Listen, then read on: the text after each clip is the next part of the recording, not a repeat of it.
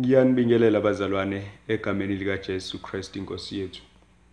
Ake sikhuleke. Baba wethu ongcwele, yise wenkosi yethu Jesu, dalo ezwe nomhlaba. Kuyintokozo nkosi yethu ukuza kuwe namanje na. Sikunikeza udumo nkosi yami, hlala nathi. Sigcine nkosi yami usithethelele. Sivikele kukho konke. Egameni lika Jesu siyabonga nkosi yami ithuba lokuba siphinde sizwe nkosi yami ngezwi lakho. Egameni lika Jesu Kristu waseNazaretha. Phinda ukukhulumisana nezimpilo zethu. Phinda Nkosi yami ukusiqondisa usiyale sifundise sakhe Nkosi yami sibe ngabantu abangcono sibe yisizwe engcono esingcono.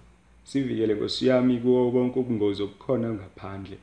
Sithwale uNkulunkulu wethu ongcwele kuba singoni sipha amandla kuba sibekezele siqinisele ukukholweni sifune ubuso bakho senze intando yakho.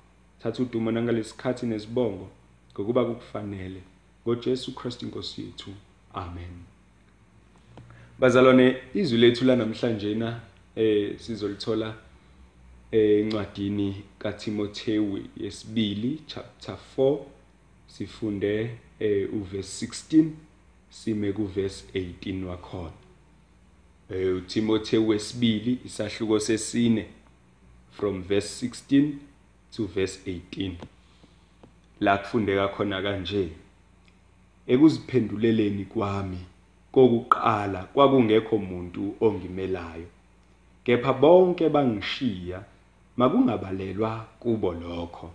Kodwa inkosi yangimela yangipha amandla ukuba intshumayelo ipheleliswe ngami. Nabezizwe bonke bezwe ngase ngikhululwa emlonyeni wengonyama. Inkosi yakungikhulula kuyo yonke imisebenzi emibi. Ingisindise ngize ngifike embusweni wayo osezulwini. Makube kuyo inkazimulo kuze kube phakade naphakade. Amen. Baba izwi lakho leliyaphila linguwisibili linamandla. Khuluma ngalo namhlanje nangoJesu Christ inkosi. Amen. Bazalwane eh sifunda incwadi eh kaTimotheyu ebhalwa umpostoli uPaul meyibhala uPaul lencwadi ubhalela indodana yakhe enkosini eh abasebenza naye abagijima naye ukuhambisa eh izindaba ezimnandi kwabezizwe nakubajuda. Uma embhalela lencwadi umbhalela yona emqinisa okholweni. Uthi akabekezele. Isikhathi esiningi uma ebhala lencwadi uveza ukuhlupheka uPaul asedlule kukho. Uma ekuveza lokho kuhlupheka ebese enze ngako as example enze lokho kuhlupheka kwabo kube umfanekiso eh kuTimotheyu ukuthi ke eh ngoba yena kwaphuma kanje naye akaqinisele noma yena kwaba kanje okusho ukuthi inkinga naye sisazomehle sisazomehlikela kodwa akaqini okholweni. Sifundeke ku chapter 4 chapter 4 isahluko esifundwa kakhulu ku second Timotheyu eh la khona uPaul emyala khona futhi uTimotheyu ukuthi akaqine eh enkosini athi akashumayelizwe aqinise kuyisikhathi noma kungesikho. Azasho ukuthi yena impilo yakhe seyiya ngasekupheleni useyekunikelweni njengomhlatshelo. Kodwa la esifunda khona ila esemmema khona esethi akeze kuye akamvakashele amphathele lokho akumphathela kona. Uyamkhumbuza ukuthi kuke kwaba nesikhathi la eke waba yedwa khona. Kuke kwaba nesikhathi la ebe khona yedwa. Kwangekho umuntu omsizayo ebadinga abantu.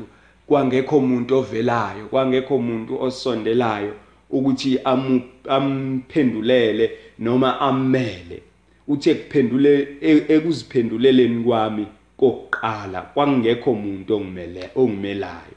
Kepha bonke bangishiya. Uthi noma ke bangishiya kodwa akungabalelwa lokho kubona. Paul la usivezela isifundiso sika Kristu Jesu ukuthi bazalwane kuzokwenzeka kwesinye isikhathi nabantu esibathembile nabantu esidiphendele kubo nabantu esibahloniphayo. Kwesinye isikhathi uma sizizwa sisodwa sibezwe sibabone sengathi baqhelile bangenza imizamo yokuthi basondele bangasondeli ukusinikeza usizo. Sizohlala sisodwa usizi ludlumunyo sizohlala sisodwa sihlupheke kwesinye isikhathi sizogula kwesinye isikhathi sifuna usizo kube khona abantu abangakusiza ngeze imali abawumndeni kodwa bangezi ukuzokulekelela.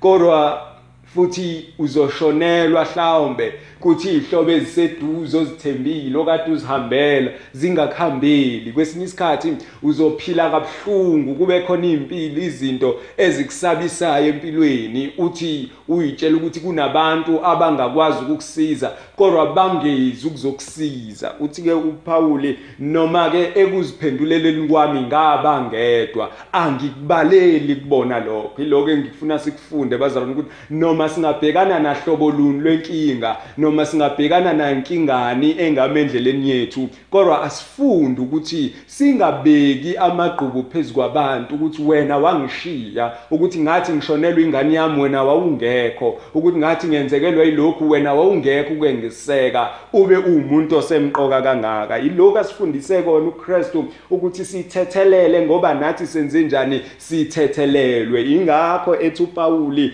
kodwa lokho akungabalelwa kubo.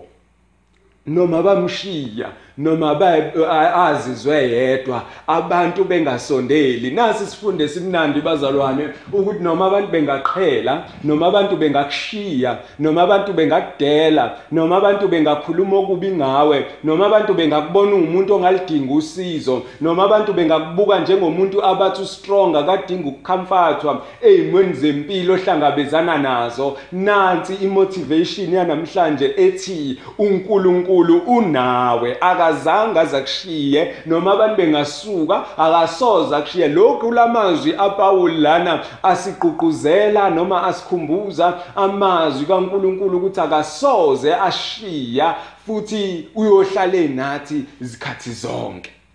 Ikona ke lokhu bazalwane sikufundayo la namhlanje ukuthi ke kodwa inkosi yangimela. Okusho ukuthi noma abantu bengasuka kodwa inkosi nami. Noma abantu bengahlehla kodwa inkosi nami. Noma abantu bengakhuluma kodwa inkosi nami. Noma ngashiwa yihlobo zami kodwa inkosi nami. Abantu abakholwayo banalelo themba empilweni zabo ukuthi noma sekwenzakalana ebuhlungu empilweni yami noma sekwenzakalana ebuhlungu ezweni engiphila kulo noma sekwenzakalana ebuhlungu emndenini wami. Nginale ntokozo nale nduduze epheleleyo yokuthi inkosi nami nasesikhathini sosizi nasesikhathini sokushiwa nasesikhathini sobuhlungu angisoze ngaba ngedwa. Noma abantu bengangibuka ngihamba ngedwa ngihamba isolo kodwa inkosi nami kona lokho akushoyo uPaul lana kodwa inkosi yangimela yangipha amandla ukuba intshumayelo ipheleliswe ngami. Ngamanye amazwi ngingene enkingeni ngingena ebuhlungwini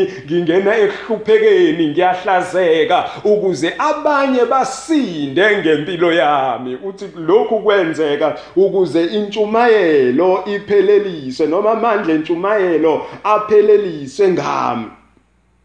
Bazalwane kwesinye isikhathi iy'nkinga esizodlula kuzo kwesinye isikhathi izimo esizodlula kuzo zizobe zizoletha isifundiso esinzulu kwabanye. Kuzokwazi ukuthi sibe kulezi inkinga kwakumele ukuba ngihlushe ukuze ngazi imiso zakho usho njalo umbhalo wehubo. Yiloko engifisa ukusho ukuthi ke nathi inkinga esibhekana nazo mhlawumbe zikhona ukuze sikwazi ukuqinisa abanye abasazodlula kuzo. Ungalahleki ungalahli ithawula ngoba uthi nakho ngihluphekile manje kwangavela umuntu ungala ungalahlwa ithemba ngoba nakho uthi ngibile sosizini manje kwangavela umuntu qiniseka mzalwane banesiqiniseko isiqiniseko sokuthi inkosi nawe. Ukuthi noma ke ungena ekulingweni isho njengoDavid emebhala ihubo 23 athi noma ngihambe esigodini sethunzi lokufa angiyukwesaba okubi ngoba wena unami. Akube induduzo yakho nentokozo yakho leyo mzalwane ukuthi uNkulunkulu nawe ngisho ngathi uvelelwa yini endleleni noma ngathi wakwenzakalana endleleni ujabula ukhala uhleka kumnandi uswele unga ungaswele inkosi inawe.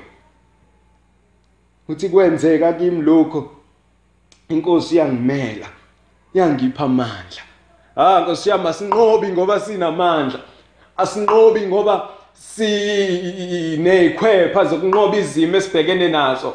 Kodwa sinqoba ngoba inkosi isipha amandla. Isipha amandla okunqoba. Asizihambeli ngokwethu kubona asizihambeli ngokwethu amandla. Kodwa siwanikezwa ungikhona ungikhona ohlale khona ongasideli ongashiyi ongazeli ongalali odela eh, owadela ubuhlalo sakhe sobukhosi weza ukuba thina sisinde ukuze abe nathi. Uyajabula kumuntu onalelo themba uyajabula kumuntu onaleyo nkosi uyajabula umuntu onduduzo ya yakhe iphelele isekuthenini akasesiyo wakhe kodwa ungowomsindisi wakhe uJesu Kristu. Kodwa wokulowo othi yena akazani noKristu Jesu ngoba induduzo kuyayikho injabulo kuyayikho meso sizini sesizini. Ingakho ngimema namhlanje ngithi woza kuJesu wami noma usenkingeni uba nawe. Akakulindi ngaphandle ukuthi uzuphume kuleyo nkinga kodwa uhlala nawe akuthokozise. Akufundise abe nawe akulondoloze akupha amandla aqinisekise. Usho njalo phela uPauli ukuthi inhlupheko kwesinye isikhathi zidala ukuthokoza.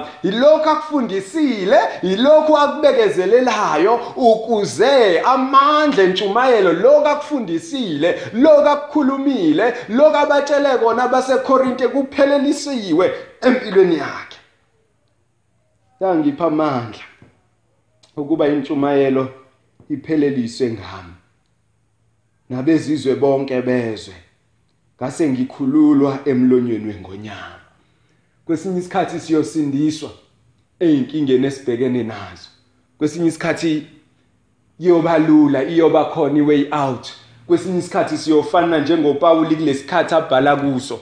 Kulesikhathi abhala kuso uPaul wayesekhuluma okugcina esebhalela umhlobo wakhe oseduzane ukuthi akasheshe afike ngoba impilo yakhe seyiya ngasekupheleni uthi useligijimile ibanga lakhe kodwa wagcina futhi ukholo lwakhe. Usekhuluma nje amazwi okugcina lawa sewabhalela uPaul useya ekufeni ekuboshweni kwakhe eRome. Yingakho ngithi mina kwesinye isikhathi siyokhululwa kwesinye isikhathi ngeke sikhululwe. Kodwa kulokhu ukuzimela akhuluma ngako kokuqala uthi inkosi yamkhulula emlonyeni wengonyama umlomo wengonyama eh, indlela eBhayibhelini ekwakuvezwa ngayo uma kusindwa noma uma usinda eh, eh, empini thizeni noma eyinkingeni noma esilingweni thizeni uma uNkulunkulu ekususile iyona yagama noma iyona into abajwayele ukisho ukuthi eh ngisindile emlonyeni wengonyama. So iyona into ekade ilula ukuze abantu bayazi uthi ke eh ngikhulu ngakhulu ngikhululwa emlonyweni ngase ngikhululwa emlonyweni wengonyama. Okusho ukuthi bazalwane kwesinye isikhathi siyosinda ukuze sihambe siyobofakazi bokuthi ngiphilile kanje mina nawe ungaphila kwesinye isikhathi siyosinda sihambe siyotshela abantu ukuthi yebo ubuhlungu bukhona manje siyabuzwa. Hayi akusho ukuthi thina sibuza ubuhlungu siyabuzwa. Kodwa kuyaphileka ngoba ungikhona unathi. Usipha amandla okuqhubeka. Phezukwale inkinga esibhekene nazo phezukwale inhlupheko esibhekene nazo ungikhona ukhona. Ngase ngikhulule emlonyeni wengonyama. Uthi inkosi iyakungikhulula kuyo yonke imisebenzi emibi. Ingisindise ngize ngifike embusweni wayo sezulwini. Makube kuyinkazimulo kuze kube phakade naphakade. Nanti ithemba esimenalo nanti nasi sibusise sinaso ukuthi mkhulu lo ngakithi kunalowo osezweni uma uNkulunkulu engakithi ubani ongamelana nathi? This is the assurance uPaul ayenayo uma ethi inkosi yakungikhulula kuyo yonke imisebenzi emibi ingisindise ngize ngifike embusweni wayo. Lensindiso lena abazalwana ayipheleli lana lensindiso lena abazalwane akusiyo into esikhashana kodwa inkosi ingakithi kwamanje kuze kube sekuphakadeni ingakho kulula kuJesu Kristu methi lethani eh, imithwalo yenu nginithwalele yona ngoba leni ijoka liyasinda bese nina nithathela ngoba lami lilula because he is ever present uhlezi ekhona uhlala enathi akasideli imini yonke nobusuku bonke uyasithwala yena ngama namandla akhe amakhulu. Bazalwane yilokhu ke uPauli ayenakho umethi inkosi yakungikhulula kuyo yonke imisebenzi emibi ingisindise ngize ngifike embusweni wayo sezulwini. Makube kuyo inkazimulo kuze kube phakade naphakade. Akazibongi akaziniki udumo kodwa udumo ulisa kungikhona. Udumo ulisa enkosini ngoba iyona emsindisayo iyona ezokumthwalo iyona ezakumqinisekisa ukuba uyafika ekhaya ezulwini.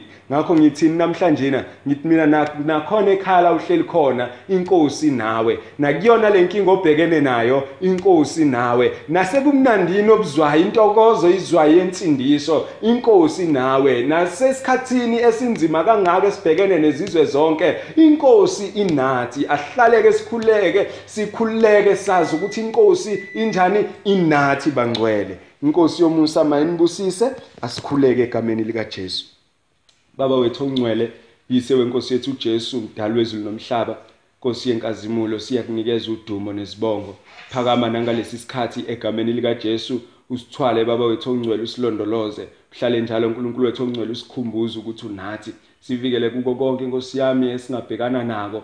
Usithwale baba wethu ongcwele bese usipha inkosi yami ukunqoba ngoba wena unamandla okwenza lokho. Sindise inkosi yami. Sindise inkingeni zemihla ngemihla esibhekene nazo ezinye sesaze sazamukela sazibiza ngamagama sathi ziyamahlala khona saze sazi owner sazibiza nangezethu kodwa siyazi inkosi wena unamandla okusikhulula. Kwesinye isikhathi izifo kwesinye isikhathi iy'nkinga esibhekana nazo kwesinye isikhathi abantu nkosi yami abalwa nathi imihla ngemihla sesaze sangabanaki kodwa nkosi yami siyakudinga ukuthula silondoloze ngikhona.